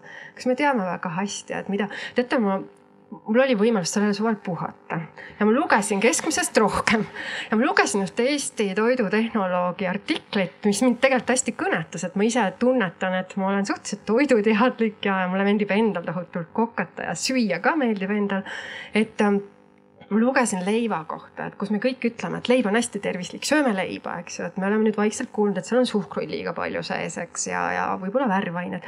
aga mulle väga meeldis see lihtne keel, mida see inimene ütles, et osta sellist äh, toitu mis sa näed seal toidu etiketi peal, et needsamad toiduained on sul kodus kapis või sa saad vähemalt aru, mis nad seal sees on, eks ju.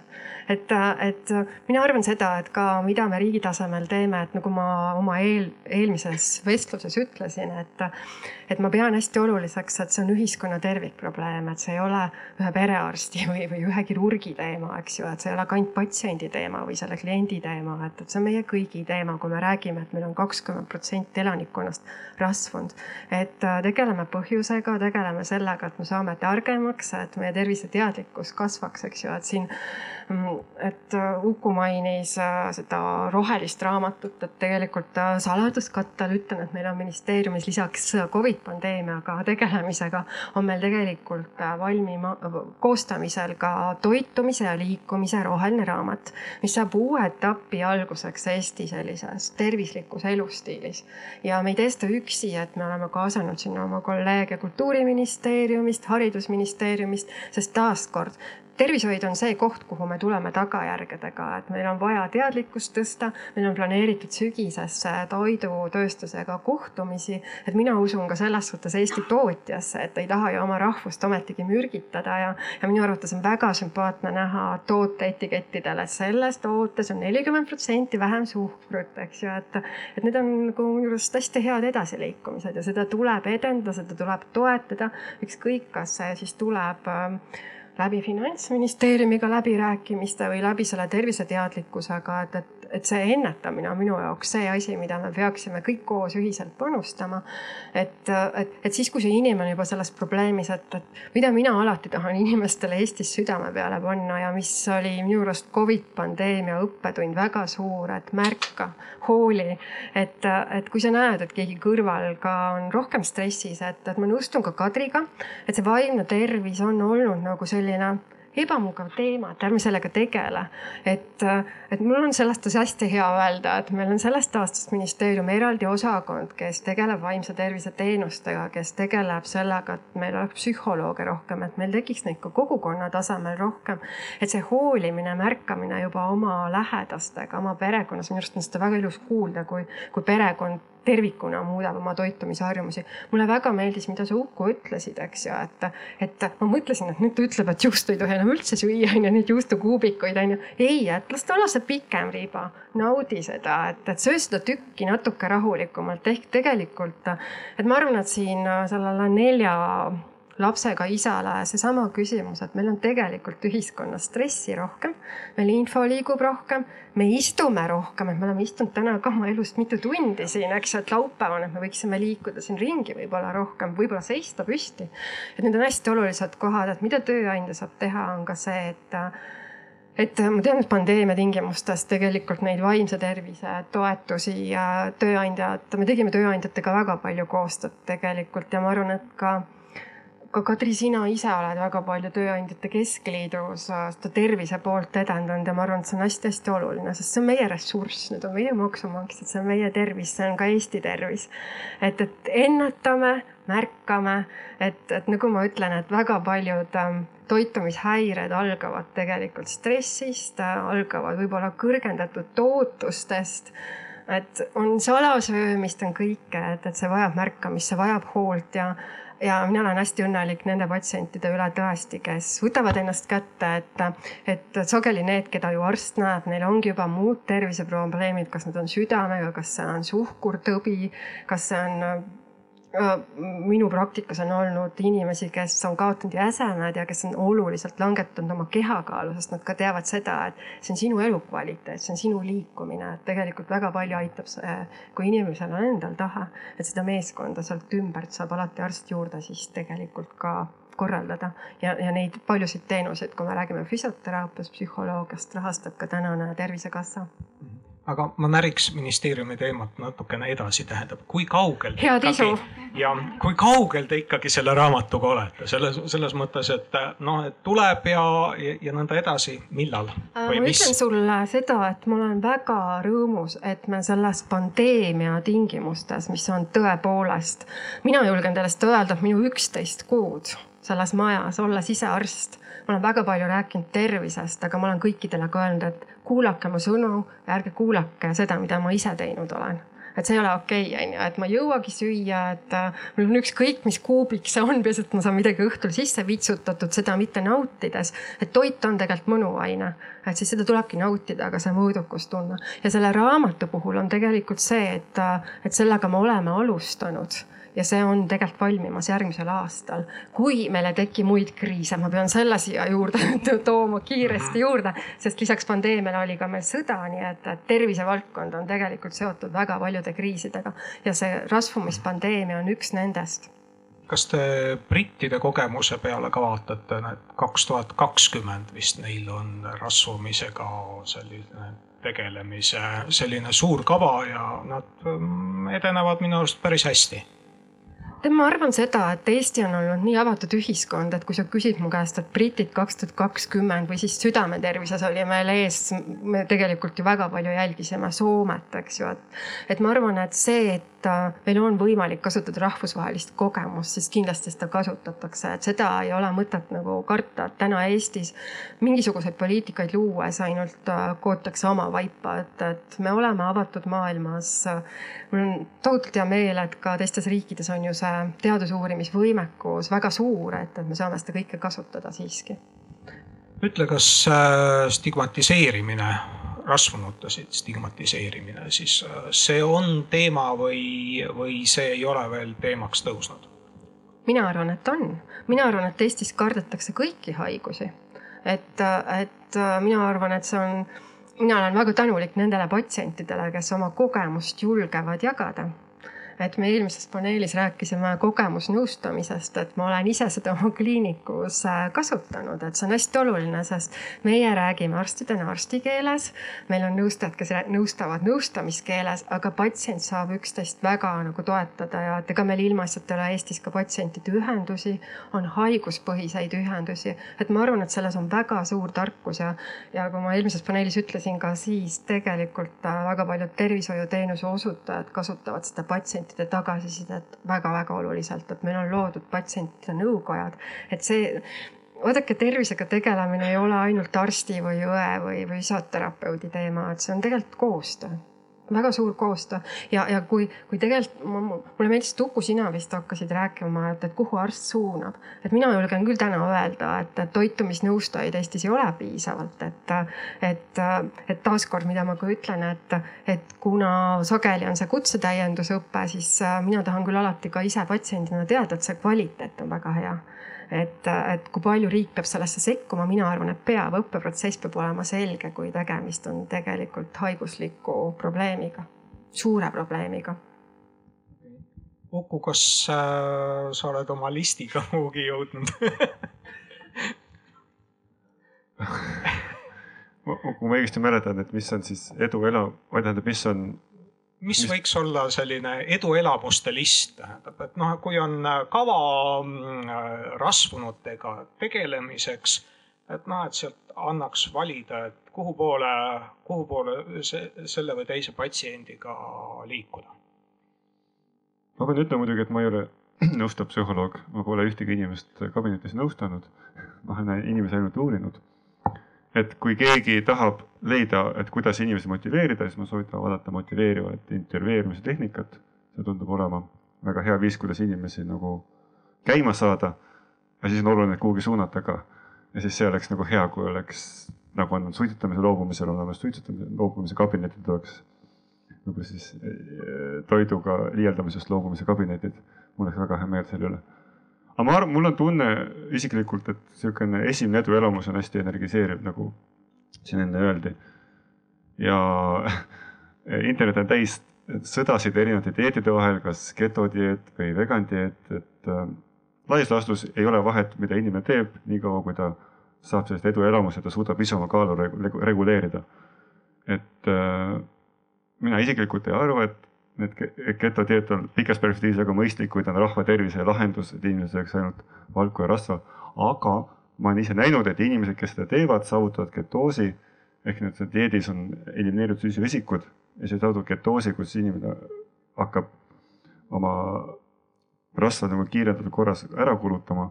see annab talle niisuguse värvi ja energia juurde, et ta on nagu nõus palju rohkem proovima erinevaid asju et just see edu, esimese edu, edu, esimese eduelamuse andmine, ma arvan, väga hea, kui rääkida individuaalsest teraapiast.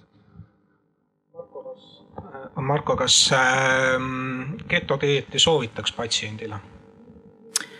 ma ei ole väga tuttav sellega selles mõttes, et pigem kui me oleme dieedist rääkinud, ma olen äh, pigem seda vahelduva nälgimise režiimi olen neile teinekord tutvustanud või, või noh, ühesõnaga öelnud, et nad sellega ennast kurssi viiks. getodieeti võib, ma arvan, võib-olla jah, samamoodi, eks ole, et, et mida iga teha, mida iganes teha esimese eduelamuse nimel, kui see kannaks seda, seda, seda paati edasi, et siis ma arvan, et see on oluline pigem.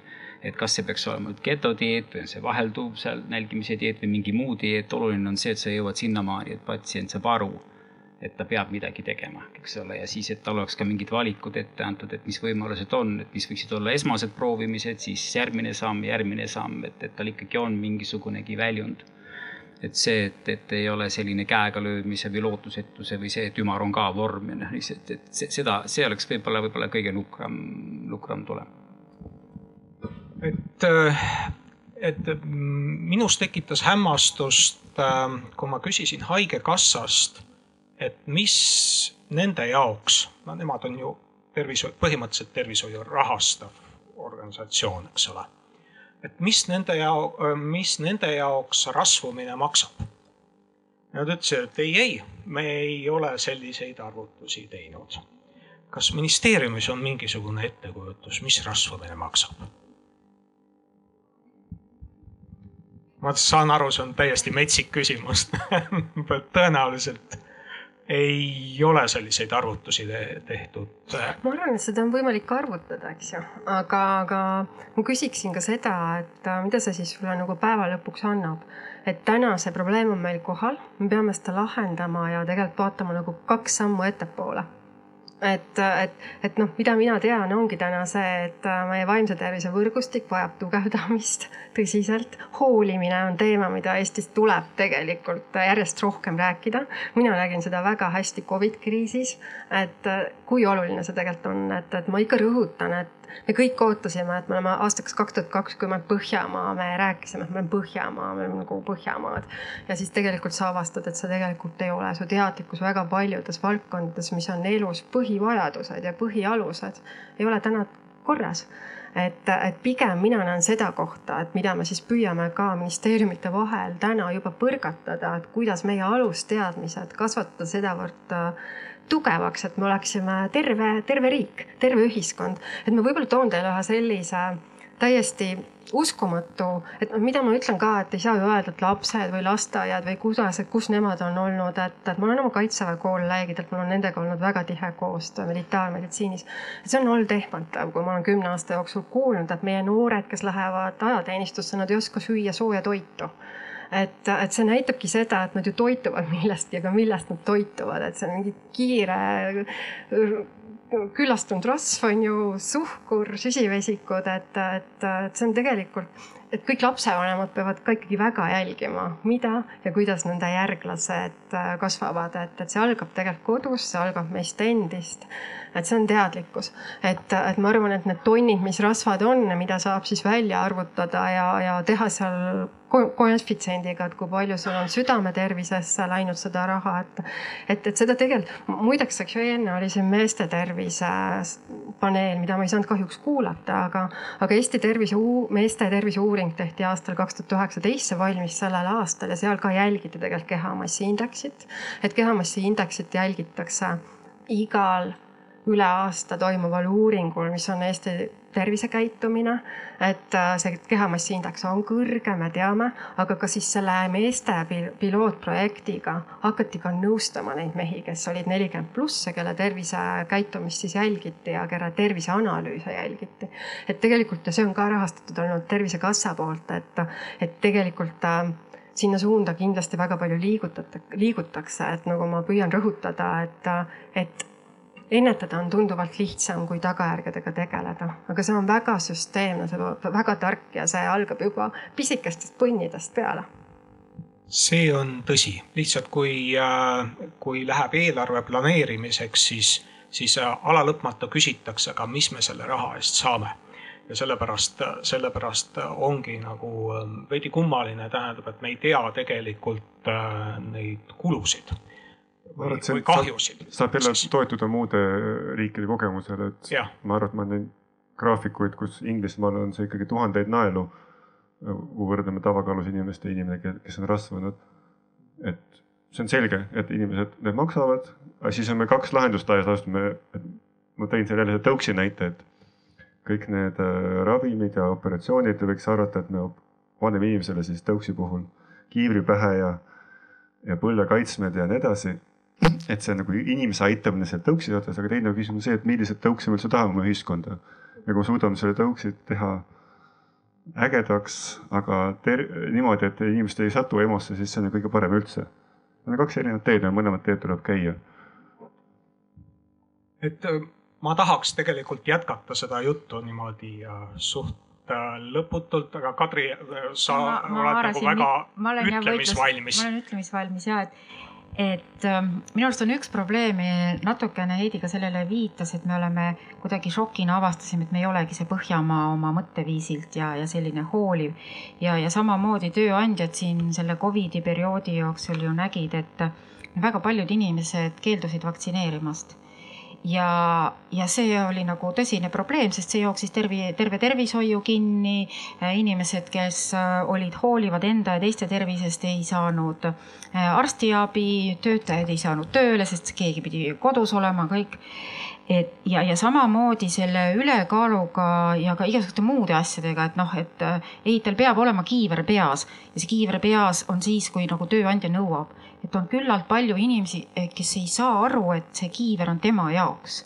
ja samamoodi, kui me siin nüüd täna ka kuulsime ühte neid, noh, aga kui ma ei söö ka, mis mõnu mul siis ikka elus on. et aidata me saame neid inimesi, kes ise teadvustavad, et tal on probleem ja siis on vaja seda võrgustikku, aga mulle tundub, et meil on kuidagi ühiskonnas tekkinud selliseid minna lasknud, ah, mis küll riik aitab ja küll teised teevad, et küll mina, noh, mina lihtsalt olen et ma ise ei pea nagu üldse pingutama ja kuidas leida nendel inimestel motivatsiooni oma tervisega tegeleda, et nad ei kukuks äh, tervishoiusüsteemi. ma arvan, see on ka see järgmine miljoni dollari küsimus, et mm. -hmm et see on, me oleme ringiga nagu tagasi selle inimese enda õlgade juures, eks ole, tähendab, et, ähm, et, et ähm, seda, seda nagu hästi palju harrastatud, tähendab, et lükatud, lükatud nagu rohkem seda koormat sinna inimese enda õlgadele ja, ja jäetud need keskkonna ja, ja sellise ühiskondlikud äh, meetmed niimoodi no kõrvale, ütleme niimoodi, et neid on raskem läbi viia ja, ja mm, et äh, lihtsam, lihtsam on öelda, et noh, et inimene peab ise nagu kõik ära tegema absoluutselt nõus, ilma inimese tahteta või soovita kuhugi poole liikuda, no ei, ei ole võimalik tegelikult. jah ma tegelikult tahaksin, ma ei taha, et me lõpetame nii pessimistlikult ja keegi hakkab stressist sööma, et, et tegelikult äh, mina julgeks seda öelda, et teeme nüüd natuke silmad lahti, et äh, riik on päris palju panustanud selleks, et inimene saaks liikuda, saaks sportida. et äh, ma julgeks, ma mingi paar õhtut tagasi käisin ise jalutamas seal kergteel ja ma olin nii rõõmus, sest ma nägin nelikümmend pluss mehi seal sõitsid ratastega, rulluiskudega, et, et see ongi tegelikult see, kuhu poole me peame liikuma ja kindlasti aitama neid, kellel on probleemid ja selleks ongi tervishoiuvõrgustik ja nagu Kadri ka ütles, et inimene peab sinna juurde ka ise aitama. et, et mis me siis vaidleme seal, et mis teil arst viga on ju, et ise ei ole nagu ümarvormis ja siis tahate, et mina oleksin samasugune nagu teie. ei, ma tahan, et sa tegelikult elaksid hästi, et su elukvaliteet oleks, kvaliteet oleks hea ja et su eluiga oleks pikk ja elaksid võimalikult kaua, võimalikult tervena. ja neid võimalusi tegelikult meie ümber järjest luuakse, et ma ei arvagi seda, et Eesti on valmis ja me peame täna midagi tegema ja meil on tohutult palju asju vaja koos teha, aga me saamegi seda teha koos et äh, ma kindlasti tahaks teha äh, teiest igaühega ühe väikse podcast'i intervjuu tulevikus niimoodi üks, ükshaaval. et siis, siis saab nagu võib-olla rohkem ja järjest rääkida oma, oma, omi seisukohti ja ehk ka mingisuguseid uudiseid. Ehm, aga praegu on mul äh, see üks küsimus, mida ma, mida ma ütlesin, et ma küsin kuhu me jõudnud oleme tänase päevaga või tänase aruteluga. kes tahab alustada? no mulle tundub, et me oleme jõudnudki täpselt millegi võib-olla algusesse või niisugust tõdemaks seda, et, et, et, et see probleem kui selline on, on olemas. ja, ja ega siin kohe puusalt tulistades mingisugust kuldlahendust niimoodi võtta ei ole, aga, aga, aga võib-olla olulisem ongi see, et, et seda et lihtsalt selle tõdemusega nagu vist ei, ei oleks ka nagu põhjust või, või mõtet lahku minna, jätta see asi niisamamoodi jälle taas marineeruma, vaid ikkagi siis kuskilt maalt millegiga alustada, kuskohast see tuleb, siis tuleb riigi poolt või, või kuskilt mujalt, seda on väga raske öelda. tõenäoliselt peab olema see ikkagi rohkem niisugune nagu, nagu ma ei oska öelda, multilateraalne kuskilt igalt poolt nagu tükikene kokku võtta üks asi, mida ma ka oma töö tõttu näen, osalen ka töötervishoiu, meditsiini tervisekontrollides ja see on valdkond, kus minu arust annab väga palju ära teha ja kus on potentsiaali ikkagi kohe-kohe uskumatult palju kõike see peremeditsiini esmatasand ka ei jõua enda kaela võtta, see on ka selge ja töötervishoiu teema ja sellesama tervisekontrolli kvaliteet, need järelmid sealt, kuidas üks sõnum teiseni, ühte teise kohta viiakse. samas ka ütleme siis otse nii-öelda sild tööandjat tööandjaga kui sellisega, ma arvan, et, et võib-olla see võiks olla ka üks ressurss, mida, mida annaks äh, elustiili probleemide ja haigus, tulenevate haiguste puhul kasutada mina ütleksin äh, patsiendi seisukohalt äh, nii palju, et äh, lapsevanemad, palun jälgige oma laste toitumisharjumusi juba väga-väga pisikesest east peale. ja kui te näete, et nad suurenevad, siis lähenege neile delikaatselt, küsige, kas on midagi mureks. räägime ausalt, räägime vahetult no kas läks banaani asemel see rasvane saiake täna pärast kooli?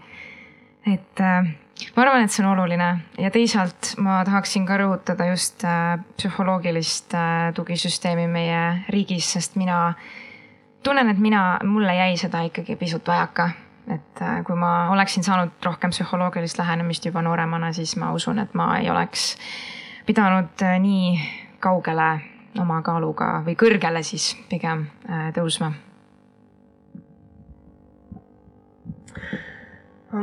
ma ütleksin siia paar sellist mõtet, et, ähm, et probleeme tuleb ennetada ja me peame sellega tegelema kõik koos, et äh, sina ütlesid praegu nii ilusad äh, soovid teele.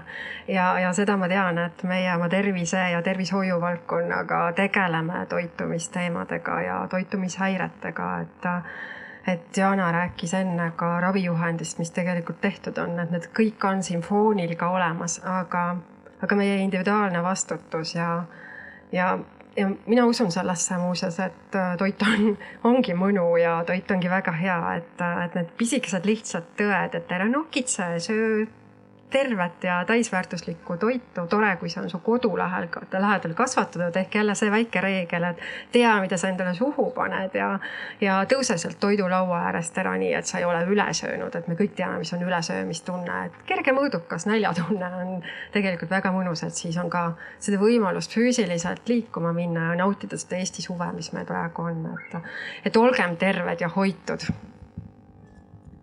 mina arvan, et me oleme täna väga heas kohas, et ma ei oleks kujutanud kolm-neli aastat tagasi ette, et räägime esiteks nii vabalt vaimsest tervisest, et see ei ole nagu mingi stigmatiseerimine, siis et me räägime üldse rasvumisest äh, avatult mõtetega siin Paides, et ma arvan, see on juba väga-väga hea algus ja, ja miks ma olen ka hästi optimistlik, et vaadates ka, eks ole, seda paneeli ja, ja osalejaid, et, et meil on siin kaasatud nii akadeemiline pool, äh, praktikud, patsiendid, erasektor ja riigisektor. et juba see, et me istume siin niimoodi ühes reas ja ei kakle, äh, et äh, minu arust see on üks väga hea näide Eesti ühiskonna arengust. et siit on ainult, saab koostöös edasi minna ma hakkasin ülekaaluga tegelema pea kümme aastat tagasi uurimuse mõttes ja siis oli selge juba, et see on suur mure. ja nüüd kümme aastat hiljem või eelmine aasta ma nägin mingeid maailma raporteid ja Eesti raporteid, et see endiselt tõuseb veel. ja see on ühesõnaga näha, et see probleem ise ei lahene. me peame kõik midagi ette võtma.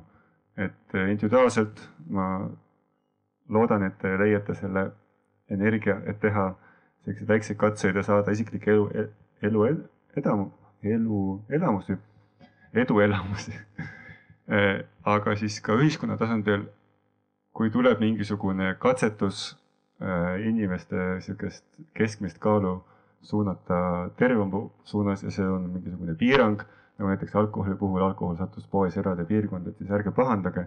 et teadke, et osal inimestel on elu veel raskem ja nende aitamiseks me neid teeme. aitäh. suur tänu kõigile, et äh, selle äh, nii-öelda äh, mikrofonidega arutelu me tänaseks lõpetame, aga see arutelu läheb paratamatult ja loomulikult edasi. et ähm, ma tänan kõiki, kõiki paneliste ja muidugi publikut, kes vastu pidas selle, selle pika jutu ja muidugi meie tehnikut, kes äh, ei vehi kätega ja ei ütle, et te olete juba viis minutit üle läinud ja aitäh kõigile ja.